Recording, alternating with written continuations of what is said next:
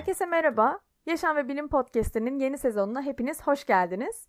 Bu sezonda da yine size kendimce ilginç bulduğum ve üzerine konuşulmasının faydalı olduğunu düşündüğüm konulardan bahsettiğim podcastler hazırlayacağım. Bu yüzden dinlerken zevk alacağınız ve aynı zamanda da yeni şeyler öğreneceğiniz bölümler olmasını diliyorum şimdiden. Bugün size ilginç bir nadir hastalıktan bahsedeceğim. Ama hastalığı anlatmadan önce cevabı bariz gibi görünen bir soruyla başlamak istiyorum. Diyelim ki birisi geldi ve size dedi ki bundan sonra hiç ağrı, acı ya da işte bu tarz bir hoşnutsuzluk hissetmeyeceğiniz bir hayat vaat ediyorum. İster miydiniz? Cevabı bariz dedim çünkü muhtemelen evet isteriz dersiniz. Yani ben en azından bunu bekliyorum. Çünkü zannetmiyorum ki aramızdan birisi çıkıp da desin ki ben kolumu kırdığımda çektiğim acıdan çok memnunum.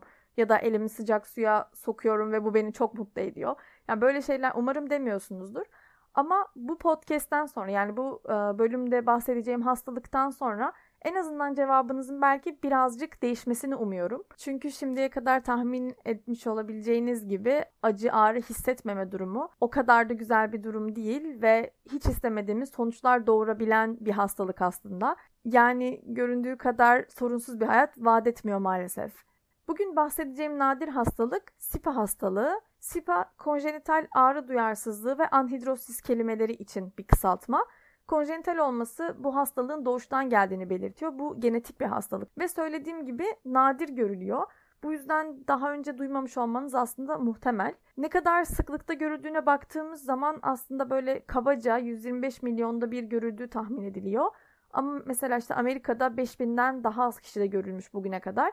Ki ilk tanısı 1932 yılında koyulmuş. Yani çok uzun yıllardan bahsediyoruz yani. Bunun dışında tabii dünya genelinde görülen bir hastalık. Hatta ben bu podcast için baktığımda Türkiye'de de rapor edilmiş e, yani üzerine makaleler yazılmış birkaç tane vakadan vakaya şahit oldum. Onları okudum. Türkiye'de de gayet görülen bir hastalık.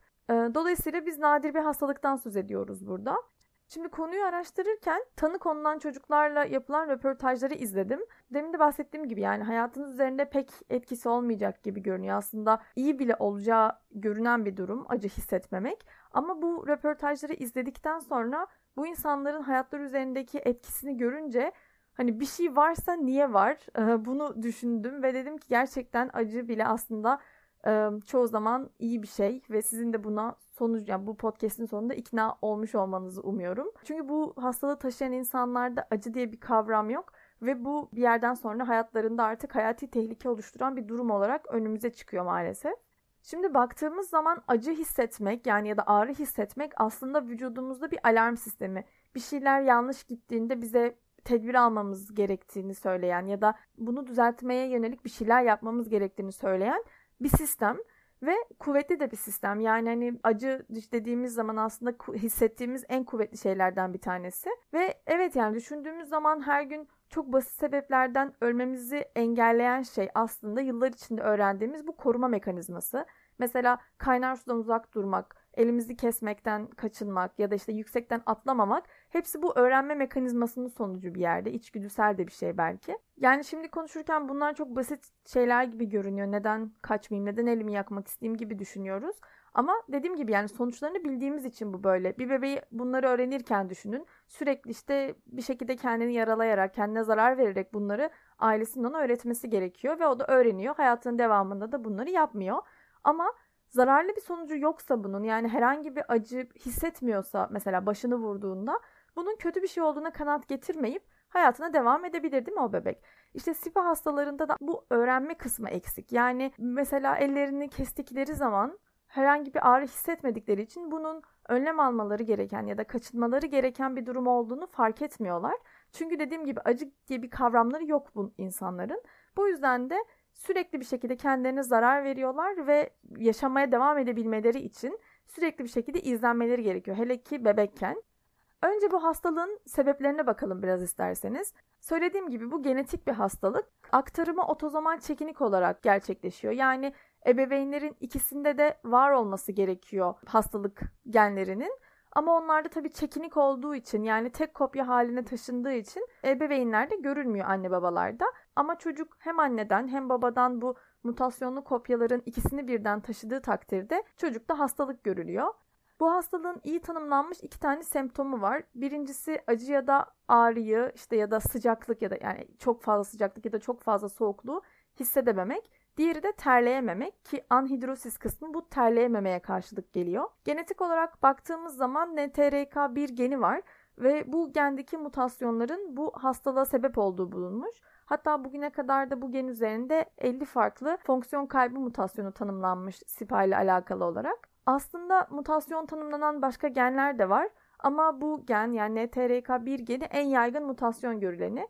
Ama tabii işte bunun yanında SCN9A diye sodyum iyon kanalı proteinini üreten başka bir gen var. Yine bundaki bozukluklar da acıya duyarsızlık hissini oluşturabiliyor. Ama NTRK1 en yaygın görüleni olduğu için genelde bu hastalıkla o ilişkilendiriliyor. Nasıl olduğuna baktığımız zamansa yani ne oluyor da bu hastalık oluşuyor'a baktığımız zaman NTRK1 geninin ürünü olan bir reseptör proteini var. Yani alıcı bir protein var.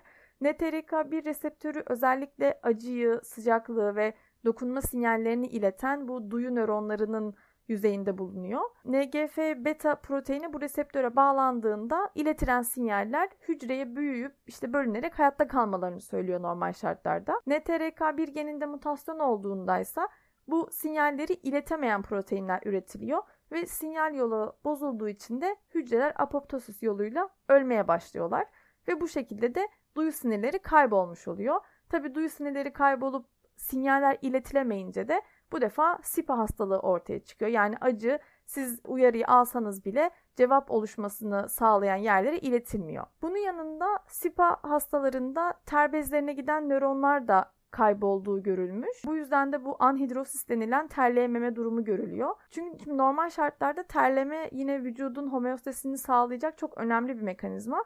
Vücut ısısını dengede tutmaya yarıyor. Gerektiğinde vücudu soğutuyor. Dolayısıyla SIPA hastalarında anhidrosis durumu olduğu için yani soğuyamama, vücudunu soğutamama durumu olduğu için sürekli tekrarlayan işte aşırı yüksek ateşlere sebep olabiliyor ya da bu yüksek sıcaklığın sebep olduğu ateşli nöbetlere sebep olabiliyor. Ve tabi bu nöbetlerde hayati tehlike doğuran şeyler. Hastalığın ne zaman fark edilebildiğine baktığımız zaman en çok bebeklikte fark edildiğini görüyoruz. Tabi bebeklikten önce de fark edilebilir çünkü genetik bir hastalık ve yapılacak doğru testlerle çok kolay anlaşılabilir bakılan genlerdeki bozukluklar. Ama tabi bebeklikte baktığınızda işte çocuk düşüyor mesela kafasını bir yere vuruyor, elini bir yere vuruyor. Hiç ağlamadan, hiçbir şey olmamış gibi yoluna devam ettiği zaman, oynamaya devam ettiği zaman bir şeylerin ters gittiğini düşünüyorsunuz ve aslında çoğusu bu şekilde anlaşılmış. Hani bu çocukta bir gariplik var neden ağlamıyor hadi buna bir bakalım şeklinde. Normal bebeklerde işte ağlamaya sebep olacak şeyler bu çocuklarda çünkü herhangi bir etki yaratmıyor. Tabi bu hastalık ne kadar erken fark edilirse alınabilecek bazı önlemlerle çocuğun en az zararla hastalığın farkında olacağı yaşa gelmesi o kadar mümkün. Asıl sorun işte fark edilmediğinde ya da yeteri kadar önlem alınmadığında ortaya çıkıyor. Mesela bu haberleri yapılan çocuklara baktığımızda durumun ne kadar vahim olabileceğini görebiliyoruz. Gabi Gingras diye bir kız vardı mesela haberlerde.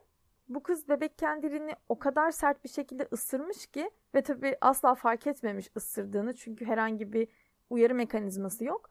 Diline ve dudaklarına çok kötü zarar vermiş. Hatta bir noktadan sonra dili çok şişmiş ve bir zamandan sonra artık su bile içemez olmuş oluşan yaralardan ve şişliklerden. Ailesi de maalesef o zaman çareyi çocuğun dişlerini sökmekte bulmuş. Bunun dışında yine gerçekten çok kötü ama ee, yine çocukken uykuda sürekli gözlerini kaşıyıp e, hani zarar verdiği için doktorlar bir noktada çocuğun gözlerini dikmek zorunda kalmışlar. Ve tabii çocuk küçük yani anlamıyor neden gözleri kapalı. Yine açmaya çalışırken yani kaşıya kaşıya zarar ver, vererek sol gözünü yerinden çıkarmış. Yani sol gözüne zarar vermiş diyelim. Ve o gözünün yerine protez bir göz takmak zorunda kalmışlar. Şu anda sol gözü protez, sağ gözü de normal. Çünkü artık bir yerden sonra deniz gözlükleriyle yaşamaya devam etmiş. Yani acıyı hissetmemek derken işte bu kadar acıyı hissetmemekten bahsediyoruz. İşte belki mesela her sabah kalktığınızda gözümü oydum mu oymadım mı diye kontrol etmek burada konuştuğumuz şey. Ki zaten hayati tehlike noktasında da burada geliyor. Çünkü acı sinyalleri tepki noktasına ulaşmadıkları için tehlikeli durumlardan kaçacak bir mekanizma gelişmiyor ve hastalığa sahip olmayan insanların normalde refleks olarak yapacağı davranışlardan kaçınmadıkları için örneğin Mesela işte mutfaktasınız. Kaynayan suyun içinde bir şey düşüyor ve normalde siz bunu elinizi sokup oraya almazsınız. Ama SIPA hastalarında yine bu mekanizma gelişmediği için yani böyle bir mekanizma olmadığı için ellerini kaynar suya sokup mesela diyelim ki bir kepçe düştü. O kepçeyi oradan alırken ellerinde çok ciddi yanıklar oluşturabiliyorlar. Ya da mesela yine bu haberlerde görülen başka bir kız da yine SIPA hastalığına sahip. Adı Ashlyn Blocker. O da bir sürü kez kemiklerini kırmış. İşte hem kayak yaparken ya da dışarıda oynarken başkası fark edene kadar yani fark edip söyleyene kadar kemiklerini kırdığının da farkında olmamış. Ki mesela bir kemiğini kırdıktan sonra iyileşmeden tekrardan üzerine üzerine kırıp iyileşmesini de hani zorlaştırmış falan. Ee, yani gördüğünüz gibi bu hissin olmaması aslında bu kadar ciddi sonuçlar doğuruyor maalesef. Sürekli tekrarlanan bu tarz travmalar aynı zamanda kemik enfeksiyonlarına da sebep olabiliyor ya da kemiklerin etrafındaki eklem ve dokuların bozulduğu durumlara da sebep olabiliyor. Acı hissetmeme hastalığının tek getirdiği sonuçlar bunlar değil. Bunun yanında mesela SIPA hastalarında e, avuçlarının içinde böyle daha hani kalın derilerin olduğu ya da mesela parmaklarının normalden farklı geliştiği, bozuk geliştiği durumlar görülmüş. Hastaların yarısına yakınında hiperaktivite ve duygusal bozukluk gibi şeyler de gözlemlenmiş. Ki mesela hiperaktivite yine özellikle çocukluk evresindeki yaralanmaların sıklığını daha da artıran bir şey. Ve tüm bunların yanında aynı zamanda bir seviyeye kadar da zeka geriliğinin de görüldüğü gözlemlenmiş SIPA hastalarında. Yani gördüğünüz gibi birden fazla sonuç da var aslında. Sadece acıyı hissetmeme değil, onunla birlikte gelen başka sonuçlar da var. SIPA'nın tanısına baktığımızda aslında büyük ölçüde klinik semptomlarla ve genetik testlerle mümkün olduğunu görüyoruz. Mesela hastadan alınan örneklerde ter bezlerinin ya da nöronların gelişimine bakıp gelişememesi beklendiği için bu şekilde bir tanımlama mümkün. Ya da işte anormal sekansa sahip bir NTRK1 geninin yine genetik dizilemeyle anlaşılabiliyor. Ki bu zaten hem doğumdan önce hem de doğumdan sonra fark edilebilecek bir şey. Çünkü genetik bir test alınan örneklerle her zaman yapılabilir. Hastalığın tespiti dışında maalesef şu anda SIPA için bilinen bir çözüm yok. Yani şu anda o kaybolan acıyı, acı hissini geri kazandıracak ya da terlemeyi gerçekleştirecek bir ilaç ya da tedavi bulunmuyor. Sadece Sodyum kanalındaki bozukluklardan kaynaklanan duyarsızlıklarda kullanılmak üzere naloksan isimli bir ilaç keşif aşamasında ama ondan da henüz bir onay ya da böyle ciddi bir başarı yok. Bir de yakın zamanda yapılan çalışmalarda bağırsak mikrobiyotasının SIPA hastalarında hastalık gelişiminde rol oynayabileceği, bu yüzden de bağırsak mikrobiyotasının anormal bir bileşiminin SIPA'nın gelişiminde muhtemel rol oynadığını gösteren çalışmalar var. Yani buna göre bağırsak mikrobiyotasındaki bu bileşimi iyileştirmeye yönelik tedavi stratejileri SIPA'nın semptomlarını hafifletebileceği düşünülüyor. Ama tabii bu da tam derinleşmemiş bir çalışma, yeni bir çalışma. Yine bunu da belki takip etmek gerekiyor hangi tarafa evrilecek diye. Şu anda tek yapılabilecek şey aslında yaşam şartlarını mümkün olduğu kadar güvenli hale getirmek ve tehlikelerin farkında olarak bir hayat sürmek. Bu yüzden aslında hasta bilinçlendirilmesine dayalı bir tedaviden bahsedebiliriz. Zaten tam da bu yüzden bebeklik yılları bu hastalığın en zor geçtiği yıllar. Hasta olan bebek kendini korumayı öğrenene kadar kendine ciddi bir zarar vermesini engellemek lazım. 24 saat izlemek lazım ki bu durumda bile belki çok zor olan bir şey. Normal şartlarda SIPA hastalarının sağlıklı insanlardan daha kısa yaşamasına sebep olacak bir durum yok. Hani yani genetik olarak ya da direkt hastalıkla alakalı olarak. Ama bu insanlar sürekli bir şekilde ciddi yaralanmalara açık oldukları için hayati tehlikesi olan yaralanmalar, işte enfeksiyonlar geçirmeleri ömür süresini kısaltabilecek şeyler olarak değerlendirilebiliyor. Bazı araştırmalar SIPA hastalarının ortalama yaş ömrünü 25 olarak görse de bu tabi kabaca bir tahmin. Çünkü mesela İskoçya'da tamamen aslında farklı bir mutasyon neticesinde olan ama yine de hayatını acı hissetmeyerek geçirmiş yaşlı bir kadın var. Ki bu da 72-73 yaşlarında bir kadın. Az önce örneklerini verdiğim Ashlyn ve Gibi de yine hala sağlıklı ve sanırım onlar da şu anda erken 20'li yaşlarında olmalılar. 25 kadar kısa bir ömür öngörülmesinin sebebi yani söylediğim gibi aslında hastalığın direkt kendisinden daha ziyade az önce bahsettiğim bu ciddi yaralanmalar ve enfeksiyonlar. Bunların önüne geçilebilirse aslında süre anlamında SIPA'dan etkilenmeyen bir ömür sürmek gayet de mümkün. Bu arada bu bahsettiğim İskoçyalı kadının hikayesi de ilginç aslında. Çünkü onda da benzer bir durum var. Ama sebebi bu genlerdeki mutasyon değil. Kadın dediğim gibi işte 72-73 yaşlarında ve o da acıya duyarsız bir hayat sürmüş bu yaşına kadar. Onda görülen mutasyon yakın zamana kadar kullanışsız ya da önemsiz görülen DNA kısımlarında görülen bir mutasyonun sonucunda oluşmuş. Kadın geçirdiği bir ameliyat sonrası işte ağrı kesici falan istemeyince bu doktorunun ilgisini çekmiş ve üzerine biraz gitmişler. Daha sonra kadının eklemlerinde de yine ciddi aşınmalar olduğunu fark etmişler ama tabii burada da yine herhangi bir acı ağrı hissetmemiş. Daha sonra genetik testler yapmışlar anlamak için neler oluyor. Bu bahsettiğim fonksiyonu olmadığı düşünülen sülogen kısımlarında FAH-out isimli gende bir silinme ve yine bununla alakalı başka bir gen olan FAH geninde de fonksiyon kaybı mutasyonu görmüşler. Bunun neticesinde kadının kanında bu FAH geninin ürettiği bir protein tarafından yıkılan bir nörotransmitter molekülü olan anandamidin yüksek miktarda bulunduğunu görmüşler. Ki anandamid daha önceki çalışmalarda da anksiyete ve acıyı azaltan bir molekül olarak tanımlanmış. Yani baktığınız zaman e, bunu yıkan protein üretilmediği için bu madde kanla birikmiş bir durumda bu kadında. Zaten yapılan röportajda da kendisinin genelde sakin bir insan olduğunu, işte sinirlenmediğini, tehlikeli durumlarda bile panik olmadığını falan söylemiş. E, hatta işte bunun yanında yaralarının da hızlı geliştiğini belirtmiş. Tabii yani semptomlarından da anlayacağınız üzere bu SIPA'dan farklı bir durum. Hem sebep hem de sonuç bağlamında. Ama acı duyarsızlığı noktasında aynılar ve bu da hani onun farklı bir dalı olarak önümüze çıkıyor aslında acı duyarsızlığı kısmından. Tüm bu hastalıklar aslında kronik acı çeken hastalardaki bu durumu hafifletmek için araştırma anlamında çok değerli bulgular. Çünkü baktığınız zaman tamam hani SIPA hastalarının hayatları çok zor. Sürekli alarm halinde bir hayat geçirmek zorundalar. Ama ters taraftan baktığınız zaman onlar acı hissetmiyorlar ama öbür tarafta çok acı çeken insanlar var farklı hastalıklardan ötürü. Dolayısıyla SIP hastalarında yapılan araştırmalar yani onların e, semptomları üzerinden ters mühendislik yoluyla belki bakıldığında öbür tarafta acı çeken insanlar için bir e, acıyı hafifletme umudu yani onların hastalıklarına belki iyileştirme, tedavi etme yöntemi olarak önümüze çıkabiliyor. Zaten bu yönde de oldukça çok çalışma var. SIPA tanısı koyulan hastalar bu yöndeki çalışmaların da birebir parçası ve bu yolakların sebeplerini anlamak için de bilimsel çalışmalarda aktif rol oynuyorlar.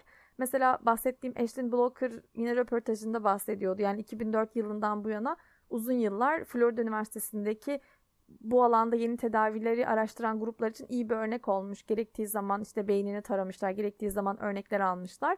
Bu anlamdaki çalışmalarda da önemli bir hani bilimsel değerleri var aslında. Ee, bunun yanında işte mesela FAH alt mutasyonu tespit ettikten sonra araştırmacılar bunu gen düzenlemesi yoluyla taklit ederek kronik acıyı azaltmaya ya da yara iyileşmesini hızlandırmaya yönelik çalışmaları e, yapmayı planlıyorlar. Yani bu şekilde bir ters mühendislik yoluyla acıyı ileten kanalları isteğe göre blok edebilecek yöntemler ya da acıya duyarlılığı azaltacak ilaçlar veya tedaviler özellikle bu söylediğim gibi işte kronik acı çeken hastalarda ya da akut yaralanmalarda çok fayda gösterebilecek şeyler diyorum ve bugünkü bölümün de sonuna geliyorum. Beni dinlediğiniz için teşekkür ederim. Umarım faydalı bir bölüm olmuştur ve bu hastalık hakkında bilmediğiniz bir şeyler öğrenmişsinizdir. Her zamanki gibi kullandığım kaynakları ve ilgili bazı makaleleri podcast'te eklenmiş halde bulabilirsiniz. Bir sonraki bölümde görüşmek üzere. Hoşçakalın.